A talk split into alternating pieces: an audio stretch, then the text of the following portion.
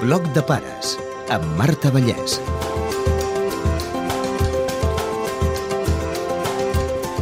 Avui parlem de com pot afectar l'educació dels fills el fet que la família passi dificultats econòmiques. Ens acompanya el professor Ramon Casals. Durante décadas, el sistema financiero estadounidense fue estable y seguro, pero luego algo cambió. La industria financiera dio la espalda a la sociedad, corrompió nuestro sistema político y sumió a la economía mundial en una crisis. Les persones ara no tenen molts diners per viure com tenen que viure, no tenen les condicions necessàries per poder viure correctament. Nos dirán que los necesitamos y que lo que ellos hacen es demasiado complicado para que lo entendamos. Primer de tot he sentit parlar de crisi de les notícies, després ja m'ho van dir a la família que hi havia crisis, que havia de vigilar amb aquest tema, que no havia de demanar molt, i bueno, des de ens vaig tindre molt de cuidado. This is a national emergency. This is a national crisis.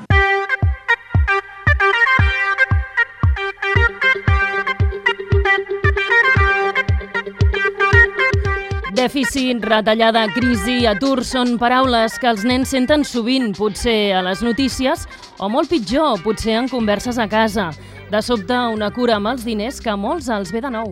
Jo parlant amb unes mestres d'escola bressol, és que els nanos d'avui dia és la generació clínex. Tot és d'usar i llançar. Hem d'entendre que la voràgine consumista que hem estat vivint en els últims 10-20 anys no és lo normal. Si tenim uns fills de 15 anys, ells han viscut sempre això, però els hem de fer aterrar. Això no és lo normal. O sigui, les coses s'han de valorar pel que són i no pel que costen. Què ens ha passat? Estem com dopats. Hem d'aterrar. Aquest dopatge que hem tingut durant aquests anys s'ha acabat. De cop, quan teníem 10, hem gastat 14. I que moltes coses doncs, hauran d'aterrar. És com aquell que ha estat vivint per sobre, per sobre, i de cop diu a terra, a veure, aviam, on estic jo?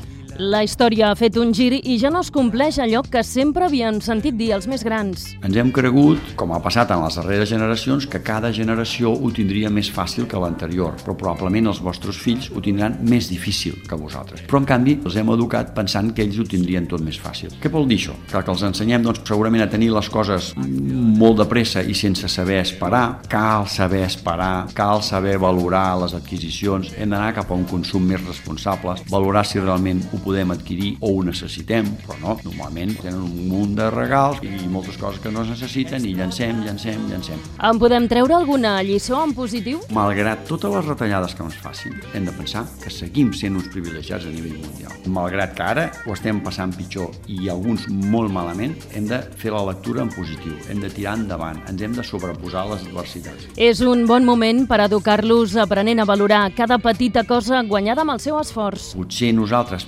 aspirant a fer-los feliços, intentem posar-los les coses molt fàcil, els estem fent molt febles. Els hi costa molt acceptar la contrarietat. Els hi costa molt sobreposar-se a les adversitats. Això no ho puc fer, això no m'ha sortit bé. Pobret, ja t'ho arreglaré jo. A vegades som massa protectors. Per ser feliços els hi convé ser forts. I forts què vol dir? Doncs que a la vida hi haurà moltes coses que no els hi sortiran a la primera. I millor d'aquella manera no els hi sortiran ni a la primera, ni a la segona, ni a la tercera. I llavors hauran de reorientar el que volen fer. Potser la família haurà de reduir despeses, com ara deixar de fer alguna extraescolar o aparcar el projecte d'anar a estudiar fora. Els fills ho han d'entendre, han d'entendre la situació que hi ha. Aquesta activitat que t'agrada molt, la podem assumir o no la podem assumir? O un fill més gran, me'n vull anar a fer un Erasmus. Molt bé, què ens donen per l'Erasmus? Et donen eh, 70 euros al mes. Amb 70 euros al mes podràs viure a París o a, o a Rotterdam? No. D'on sortiran? Pots fer algun treballet? Ho podem assumir o no ho podem assumir? És a dir, no és un dret consolidat ni una obligació dels pares poder-ho garantir. Arribarem on arribarem. Difíciles tiempos nos tocó vivir. Buenas noches, crisis, no estamos aquí.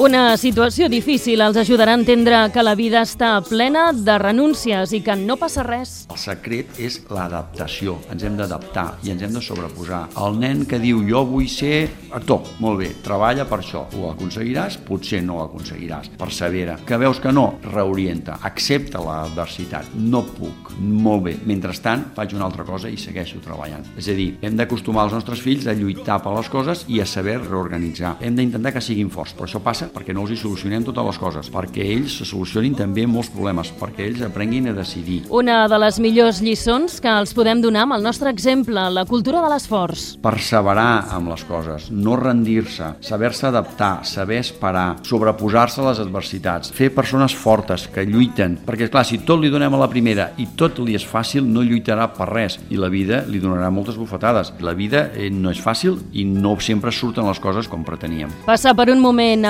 econòmicament delicat no ha de ser sinònim d'estar-se a casa immersos en un ambient de tristesa. Recordeu que el joc és una de les bases del creixement dels infants i no cal gastar diners. Aquesta societat tant del consumisme ens fa creure que la felicitat passa pel consumir o pel tenir. Hem de també, com a pares, reorientar-ho i faria una invitació a lo que se'n diu l'oci creatiu, no només l'oci consumista. Posem per cas, si estic separat i al cap de setmana els nens estaran amb mi, a veure què puc fer perquè pensin que ha valgut la pena. I això passa pel consum. Els portaré aquí, els portaré allà, anirem a dinar aquí, els pujarem allà. Hem de saber també reorientar aquest oci. I com ho fem? Podem fer moltes coses que potser no ens costaran cap diner o molt pocs diners i ens ho passarem molt bé. Fent un titella, fent un teatre, fent una excursió per la muntanya, recollint flors i mirant les plantes, classificant-les, cadascú les aficions que tingui. A mida que els fills creixen, els hem de fer partíceps de la situació. Els que vivim a casa som com una comunitat i anem a la una i hem de pensar en primera persona del plural. Eh, hem de pensar ens ho podem permetre i no ens ho podem permetre. I si tots estem patint una situació, doncs ens hem de fer costat els uns als altres. No els podem educar com a fills de reis. Començant a casa per ser corresponsables i compartir les tasques de casa. Ningú està al servei de ningú. Tots compartim aquestes tasques. Tots hi fiquem el nostre granet de sorra.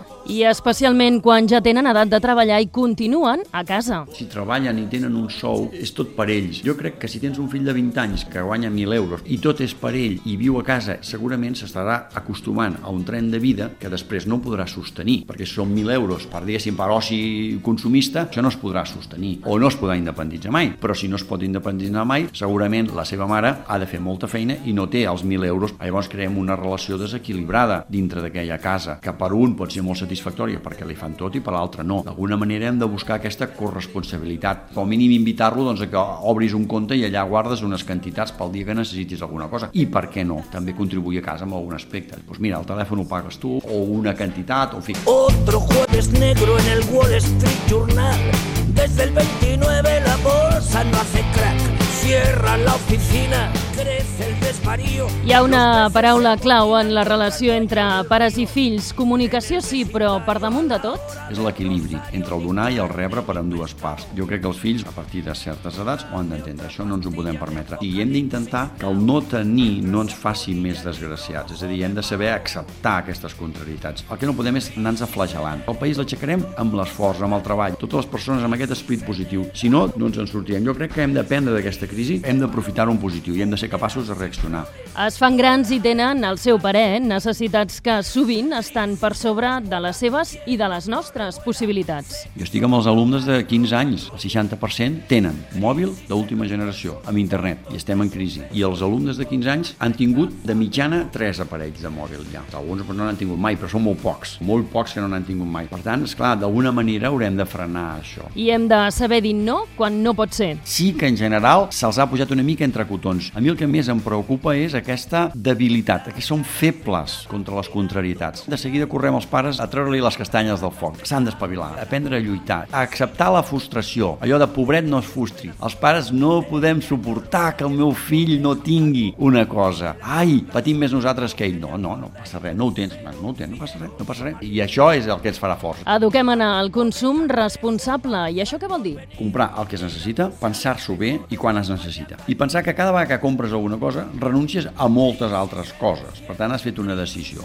En aquest moment de restriccions, potser caldrà reduir la setmanada dels fills, si és que en tenen. És adequat donar-los aquests diners? Ajuda a educar en la responsabilitat quan aquesta setmanada comporta una assumpció de responsabilitats. És a dir, quan tu amb aquests diners que et donarem cada setmana hi ha alguna cosa que te n'has d'encarregar i administrar tu. Perquè, esclar, si et donem 6 euros per comprar-te llaminadures i el dia que hagis de fer un regal a un amic li demanaràs 10 euros més a la mare, doncs això no eduquem res de la responsabilitat. La setmanada és educativa si va acompanyada d'una responsabilitat. Amb aquests diners jo hauré de pagar unes coses i si compro això no podré comprar l'altra cosa. Tot i que ells administrin la setmanada, les reflexions sempre hi han de ser. O permetrem que ho gastin tot en llaminadures o un paquet de cromos a 5 euros. El tots ho tenen, tots ho fan, és una cosa que l'hem de descartar del nostre llenguatge. L'educació ha de passar pel que tu ets i pel que tens tu, valorar el que tenim nosaltres. I és bo veure que altres tenen més i acceptar el que tu tens. Doncs pues no, això és molt car, això no ens ho podem permetre, això em sembla una tonteria. Pensa que amb 5 euros una família podria menjar i estar morint de gana i tu t'ho gastràs amb una cosa inútil i això no ho farem. Em sembla que val més que portem aquests 5 euros a Càritas perquè una família pugui dinar. I això també és educatiu. Crisis en el adoquín. Si vols saber més coses, Per ajudar-los a entendre què passa al nostre món, podeu buscar material com ara llibres i reportatges que analitzen les causes de la crisi. Inside Job és un dels més coneguts. Trabajo confidencial. ¿Qué piensa de los ingresos actuales de Wall Street? Son excesivos. Paul Volcker, expresidente de la Reserva Federal, 15 de septiembre de 2008. Durante el fin de semana, Lehman Brothers, uno de los bancos de inversión más grandes, se declaró en quiebra. Otra sucursal de Merrill Lynch debió venderse hoy. Ya se habla de una crisis. Crisis. Pánico. La consecuencia fue una recesión internacional que costó al mundo decenas de billones de dólares, que dejó sin empleo a 30 millones de personas. ¿Cómo llegamos aquí? Sé que hay pobres con dinero, ricos que duermen en el suelo. Pel que fa als llibres, recordem títols que parlen d'ensenyar a consumir de manera responsable. Niños que quieren tenerlo todo, de Carola Schuster-Brink, editat per Medici, i Nacidos para comprar, los nuevos consumidores infantiles, de Juliette Bechor, publicat per Paidós. I per aprendre a dir no, hi ha també molts llibres, com El no también ayuda a crecer, de María Jesús Álava Reyes, de l'editorial La Esfera de los Libros.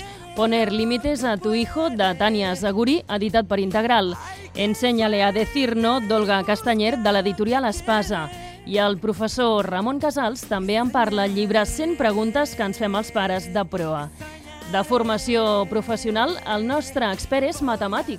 Socialment donem com a normal que la societat vagi creixent, que l'economia vagi creixent. Créixer un 3% anual, amb 50 anys és multiplicar per 5 i amb 100 anys és multiplicar per 20. En un segle es dispara tot. És impossible. Després hi ha d'haver una crisi que ho corregeixi, perquè nosaltres pretenem créixer cada any i això, clar, si ho mires des del punt de vista matemàtic, seria una funció exponencial. I la funció exponencial se'n va infinit. Antigament hi havia una guerra que posava les coses, baixaves de cop. La funció que s'anava infinit te la baixava de cop. Si anem disparant amunt, després tindrà que venir una crisi per corregir-ho. Poseu a la calculadora 1,03 és el creixement del 3% anual, multipliqueu per 1.000. Un poble de 500 habitants que creixés un 3% a l'any, al cap de 1.000 anys tindria més de 7.000 milions d'habitants.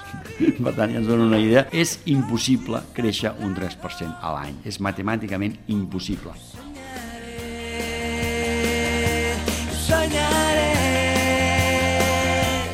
I recordeu el millor missatge que els podem donar. Saber ser tu, no comparar-te. Ho faig perquè ho fan els altres. No, jo decideixo per mi i valoro això. Jo tinc això, a mi m'han regalat això i estic content amb el que m'han regalat, jo tinc el que tinc, això no ho puc tenir, jo tinc una cosa i 50.000 no les tinc. I ja està. És valorar el que tens i no patir pel que no tens. Això ens farà ser més feliços.